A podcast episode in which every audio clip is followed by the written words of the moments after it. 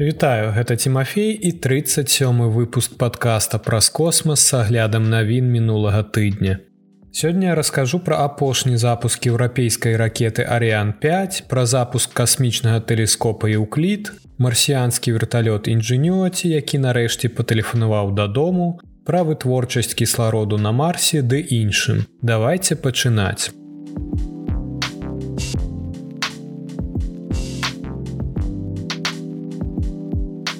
Бывай Арыан 5. Еўрапейская ракета запустила два спадарожнікі падчас сваёй апошняй місіі. Пасля 27 гадоў службы шаноўны еўрапейскі цяжкаатлет пайшоў на пенсію. Магутная ракета Арыан 5 была запущена 5 ліпеня для выканання апошняй місіі ў сваёй легендарнай кар'еры якая пачалася яшчэ ў 1996 годзе і на сённяшні дзень уключае ў сябе 117 арбітальных запускаў. Місія пачалася ад 22 гадзіне па Грынвічы, калі Арыан 5 стартавала з еўрапейскага касмадрому куру ў французскай гвіяне.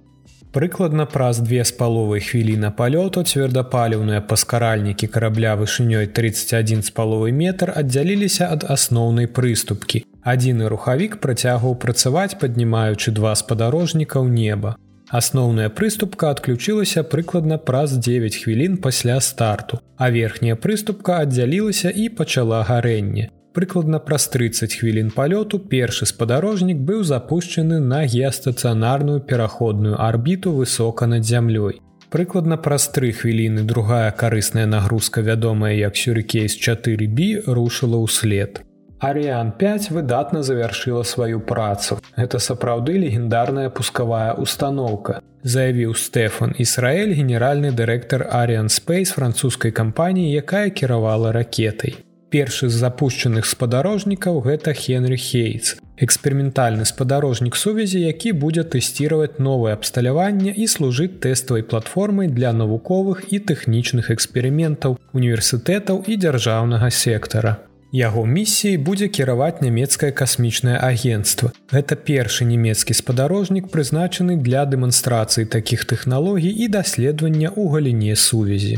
Сюрыкейс 4B далучаецца да свайго папярэдніка Сюрыкейс 4A, які быў запущены ў 2021 годзе. Пара была пабудавана для французскага ўрада і замяняе спадарожнікі Сюрыкейс 3A і 3B у якасці рэтранслятараў ваеннай сувязі. Гэты палёт завяршыў амаль 30гадовую эксплуатацыйную кар'еру ракеты Арыан 5, якая пераўзышла запуск чатырох іншых ракет Арыан, якія былі да яе. Арыан 5 пакідае пасля сябе неверагодную спадчыну тэхнічнага майстэрства і надзейнасці. На працягу ўсяго тэрміна службы Арыан 5 была важным актывам для Еўропы, якая забяспечыла яе аўтаномны доступ да космасу заявіў прадстаўнік еўрапейскага касмічнага агенства. Двухступенчатая ракета эксплуатавалася Арыан Space для еўрапейскага касмічнага агенства і французскага касмічнага агенства. Арыан 5 прайшла некалькі мадэрнізацый і лётала ў пяці розных канфігурацыях. Самыя апошнія версіі Арыан 5 ECA і ECS пачалі эксплуатавацца ў 2009 годзе. Папярэднік Рн 5 G5 запускаўся з 2005 па 2009 год. Пасля таго, як прыйшоў на замену недаўгавечнай версіі G+, якая запусціла тры місіі ў 2004 годзе. Арыан 5 упершыню была запущена ў 1996 годзе але не змагла выйсці на арбіту падчас гэтага дэбюту, ініцыяваўшы перапыненне аўтаматычнага знішчэння ў сярэдзіне палёту. Але пасля гэтай першапачатковай няўдачы ракета стала адной з самых надзейных пускавых установак у свеце. Па дадзеных еўрапейскага касмічнага агенства 117 місій Арыан 5 і 239 карысных нагрузак, дастаўленых на арбіту ракета носьбіт паспяхова выканала 96соткаў. Распрацоўка замены Арыан 5 Арыан 6 працягваецца ўжо больш за 10 гадоў. Арыан 6 гэта новая сістэма запуску, якая будзе больш гнуткай, эканамічнай і будзе абслугоўваць больш тыпаў запускаў у параўнанні з Арыан 5, сказаў прадстаўнік еўрапейскага касмічнага агенства. Новая еўрапейская ракета будзе прызначана для палёту ў двух канфігурацыях A62 і A64, якія нясуць 2 і 4 цвердапаліўных паскаральніка адпаведна. Першапачаткова чакалася, што новы цяжка атлет дебютуе ў 2020 годзе, але няўдачы неаднаразова адсоўвалі гэту мэту ў календары. Цяпер чакаецца, што Ариан 6 будзе запущены не раней за канец 2023 года. У выніку чаго ў Еўропы не будзе варыянтаў запуску, пакуль Ариан 6 не будзе гатова. Пры неабходнасці еўрапейскае касмічнае агенцтва даследуе і ацэньвае альтэрнатыўныя варыянты пускавых установак з тэхнічнага погляду гледжання, графіка і бяспекі, каб забяспечыць бесперапыннасць абслугоўвання еўрапейскіх праграм, сказаў прадстаўнік еўрапейскага касмічнага агенства. У красавіку паведамлялася, што еўрапейская камісія вывучае магчымасць запуску некаторых навігацыйных спадарожнікаў еўрапейскага звяза Галілео з дапамогай ракеты SpaceX Falcon Heavy, замест таго, каб чакаць запуск Ариан 6. Еўрапейскае касмічнае агенцтва і партнёры нястомна працуюць над тым, каб хутка і надзейна забяспечыць першы палёт Рн 6, які застаецца пераважным варыянтам запуску для еўрапейскай місіі, сказаў прадстаўнік агенства.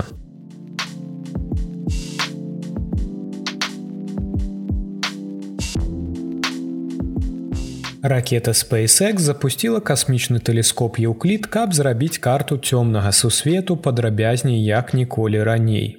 Абсерваторыя еўрапейскага касмічнага агенства пад назвай Еўклід 1 ліпеня ўзляцела ў космас на борце ракеты SpaceX Falcon 9 у 15 гадзін 11 хвілін па Грынвічы з касмадрома 40 на станцыі касмічных сіл на мысе канавераў касмічная абсерваторыя Еўклід, якая прызначана для пошуку нябачнай цёмнай матэрыі і цёмнай энергіі, аддзялілася ад сваёй ракеты прыкладна праз 41 хвіліну пасля старта. І зараз здзяйсняе вандраванне да кропкі два лагранжа паміж сонцам і зямлёй, што складае прыкладна полтора мільёна кіламетраў. Кропкі лагранжа гэта адносна стабільныя арбіты, на якіх спадарожнікі выкарыстоўваюць мінімум паліва, а пункт прызначэння ўкліда папулярнае месца. Напрыклад, касмічны тэлескоп Джеймса Вэба NASA таксама круціцца на арбіце L2.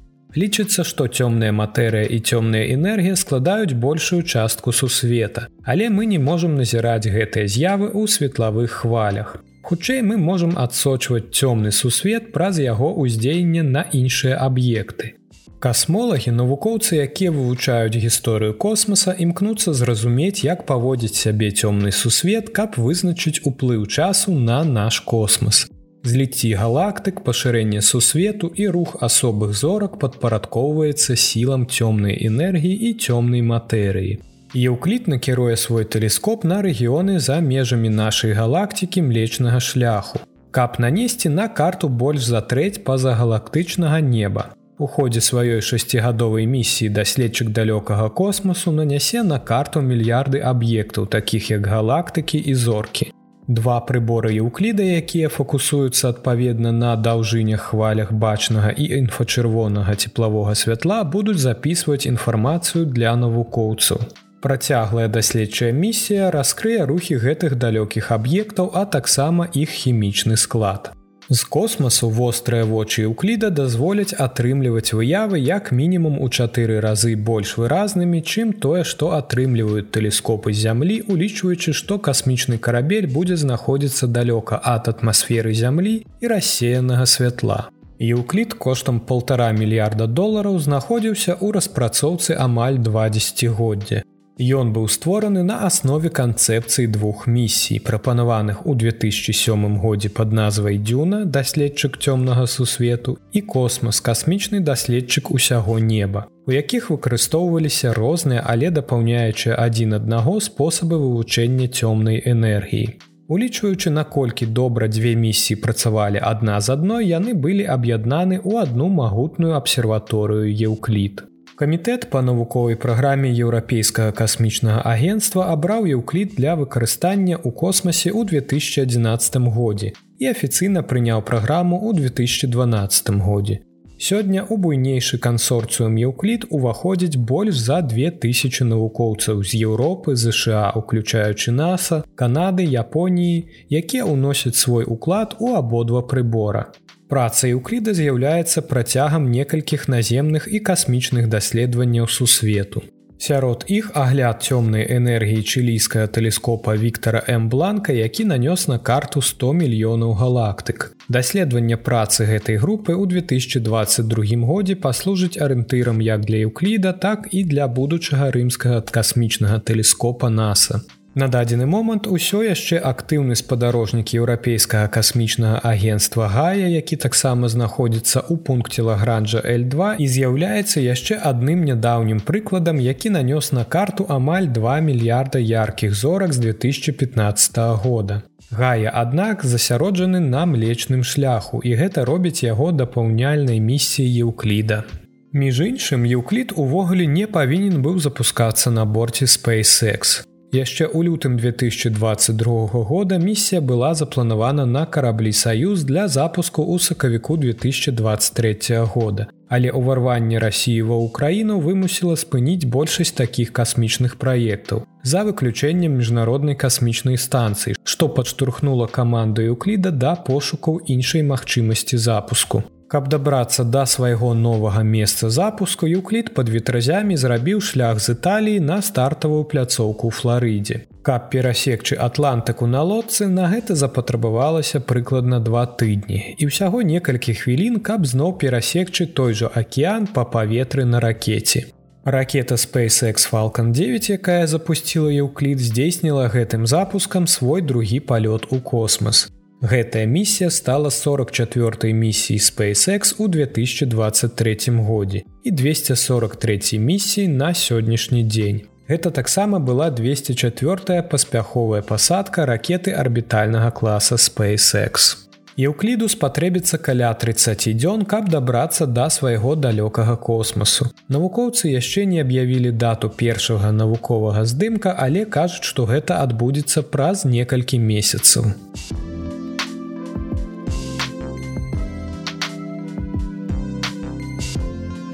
Марсіянскі верталёт інжынюці тэлефануе дадому парушаючы 63-дзённае маўчанне.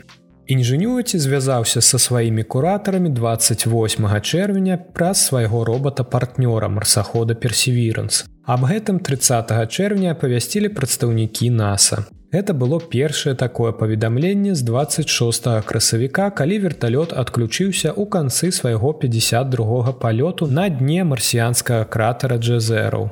Частка кратера Джезераў, якую ў цяперашні час даследуюць марсаход і верталёт, мае шмат перасечанай мясцовасці, што павышае верагоднасць страты сувязі. Мэта каманды трымаць інжынюці наперадзе персевіранс, што часам патрабуе часовага выхаду за межы прыёму сувязі.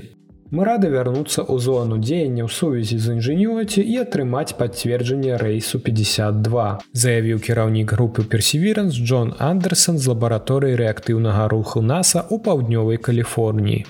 Інжынюці перадолеў 363 метры паверхні падчас 139 секунднага рэйса 52. Па словах прадстаўнікоў NASAа асноўнымі мэтамі вылету было змяніць становішча верталёта і зрабіць фатаграфіі для навуковай групы персевіранс. Нядаўна атрыманыя палётныя дадзеныя сведчаць аб тым, што інжынюеце застаецца ў добрым здароўі. Па словах членаў каманды, калі далейшыя праверкі пацвердзяць гэта, верталёт можа зноў паляцець цягам наступных тыдняў. Інжынюці персевіранс прызямліліся ў сярэдзіне кратара джезераў у лютым 2021 года.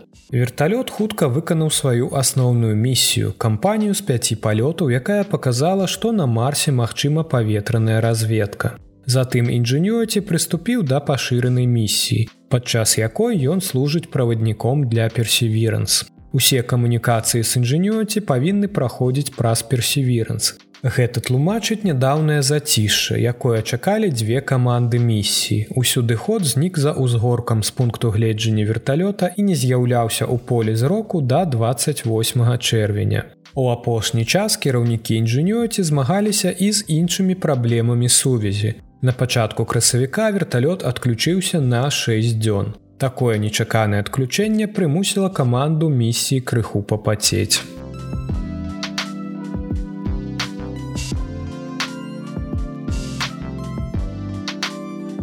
Працягваючы гэту тэму марсаход персеверанс устанавіў новы рэкорд па вытворчасці кіслароду на чырвонай планеце. Унутры марсахода персеверан знаходзіцца прылада Моксі. Гэта першы эксперымент, падчас якога разраджанае паветра планеты, насычаныя вуглекіслым газам ператвараецца ў кісларод. Зараз прылада памерам стостар, а калі яе пабудаваць у большым маштабе, то яе можна будзе выкарыстоўваць не толькі для астранаўтаў з экспедыцыямі на Марс, але і для ракетнага паліва. Раней у гэтым месяцы эксперымент дасягнуў важнай вехі калі даследчыкі давялі моксі да максімальнага ўзроўня прадуктыўнасці ў два разы вышэй, чым раней. Мы атрымалі выдатныя вынікі. Гэта быў самы рызыковы запуск з усіх, што мы калі-небудзь рабілі. Усё магло пайсці не так. Сказаў Майкл Хехт, галоўны даследчык і намеснік дырэктара абсерваторыі Хейстак Масачусетскага тэхналагічнага інстытута. Патрабаванні да моксі складаліся ў тым, каб вырабляць 6 грамаў кіслароду ў гадзіну. Хуткасць, якая ў канчатковым выніку была падвоена. Увесь час задача заключалася ў тым, каб вызначыць спосабы больш эфектыўнай работы на марсе за кошт больш высокага выхаду кіслароду. Моксі важыць прыкладна 18 кілаграм і прызначана для падачы марсіянскага паветра з дапамогай помпы перад выкарыстаннем электрахімічнага працэсу для аддзялення аднаго атама кіслароду ад кожнай малекулы вуглекіслага газу. У якасці пабочнага прадукта утворваецца вокісь вугляроду, а таксама чорны асадак цвёрдага вугляроду, які можа перашкодзіць працы ўнутры прылады. Працуючы па гадзіне моксі запускаўся сем разоў у 2021 годзе у асноўным для таго, каб даказаць, што інструмент можа працаваць у розных умовах, якія планета адчувае на працягу марсіанскага года. Год на марсе доўжыцца ў два разы даўжэй, чым на зямлі. У 2022 годзе тэхналогія боль засяродзілася на пашырэнні магчымасцяў прылады, а таксама на распрацоўцы новых рэжымаў працы. Але Моксі гэта дэманстрацыйная тэхналогія. Яе доўгатэрміновае жыццё залежыць ад фінансавання. Што датычыцца далейшых дзеянняў Моксі, то вынікі эксперыменту стымулююць распрацоўку паўнамасштабнай сістэмы на зямлі, якая бесперапынна адпампоўвала б кісларод у аўтаматычным рэжыме і была б здольная генераваць ад 20 до 30 тонн кіслароду для падтрымання жыццядзейнасці чалавека на марсе.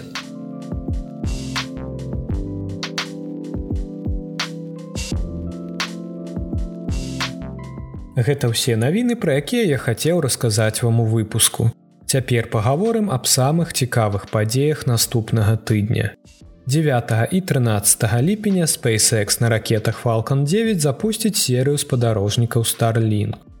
10 ліпеня пік метэорнага потоку ліпельскія пегасіды. Астраномы раяць назіраць метэорны поток у другой палове ночы, калі радыян дасягае карыснай вышыні над гарызонтам. Менавіта тады метэоры будуць ягчэйшымі за звычайныя.